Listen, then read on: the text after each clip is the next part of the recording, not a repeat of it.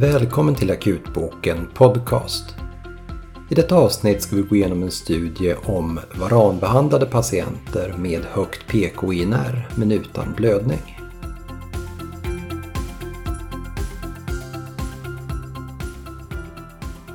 När vi tar hand om varanbehandlade patienter som har högt PKINR som drabbas av blödning ger vi vanligen K-vitamin och faktorkoncentrat beroende på hur allvarlig blödningen är. Det är dock vanligt att patienter med varanbehandling får högt PKINR utan att drabbas av blödning.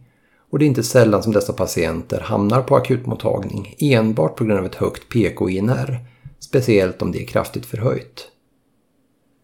Här har vi inte haft speciellt mycket evidens för hur vi bör handlägga dessa patienter, men många riktlinjer rekommenderar att vi ger K-vitamin, speciellt om PKINR är kraftigt förhöjt. Vi har nu 2020 i Journal of Thrombosis and Hemostasis fått en retrospektiv kohortstudie publicerad som tittat på 809 varanbehandlade patienter med PK-INR över 10 som inte hade symptom eller tecken på blödning. Medelåldern för patienterna i studien var 72 år.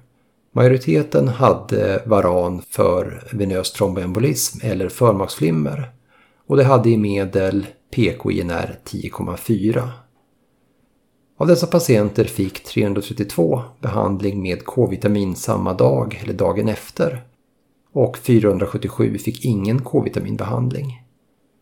Dosen K-vitamin som gavs till patienterna som behandlades var i medel 3 mg och 95% av patienterna fick peroral behandling.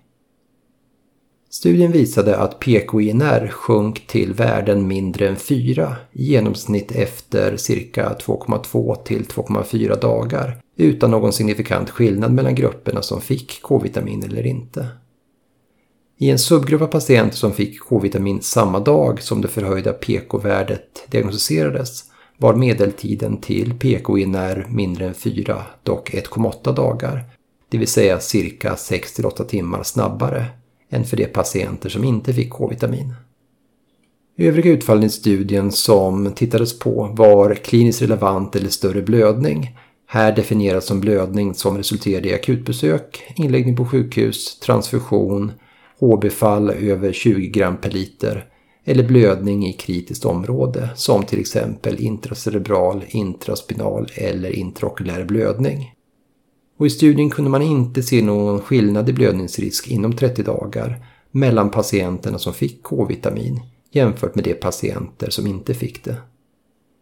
I båda grupperna var risken för en större blödning inom 30 dagar cirka 3% Någon skillnad i tromboemboliska händelser inom 30 dagar kunde inte heller observeras mellan grupperna och här inträffade detta i cirka 1-2% av fallen oavsett om K-vitamin gavs eller inte. Analys av 30 dagars mortalitet visade högre 30 dagars mortalitet, 15%, i gruppen som fick K-vitamin jämfört med 10% i gruppen som inte fick behandling.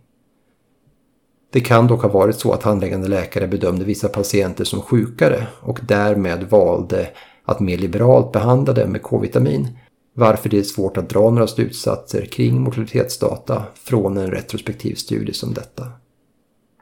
Även om den aktuella studien är en retrospektiv kortstudie som begränsar vilka slutsatser som går att dra från data är min tolkning att den ändå ger stöd för att patienter med högt PK-INR utan tecken till blödning kan ges K-vitamin men att det också är adekvat att bara sätta ut varan då det inte är någon större skillnad i tid till patienten når ett PK-INR mindre än 4 oavsett behandlingsstrategi och att det inte finns något, varken från den aktuella studien eller tidigare mindre studier, som talar för att det skulle gå sämre för patienterna som enbart behandlades med en temporär varanutsättning.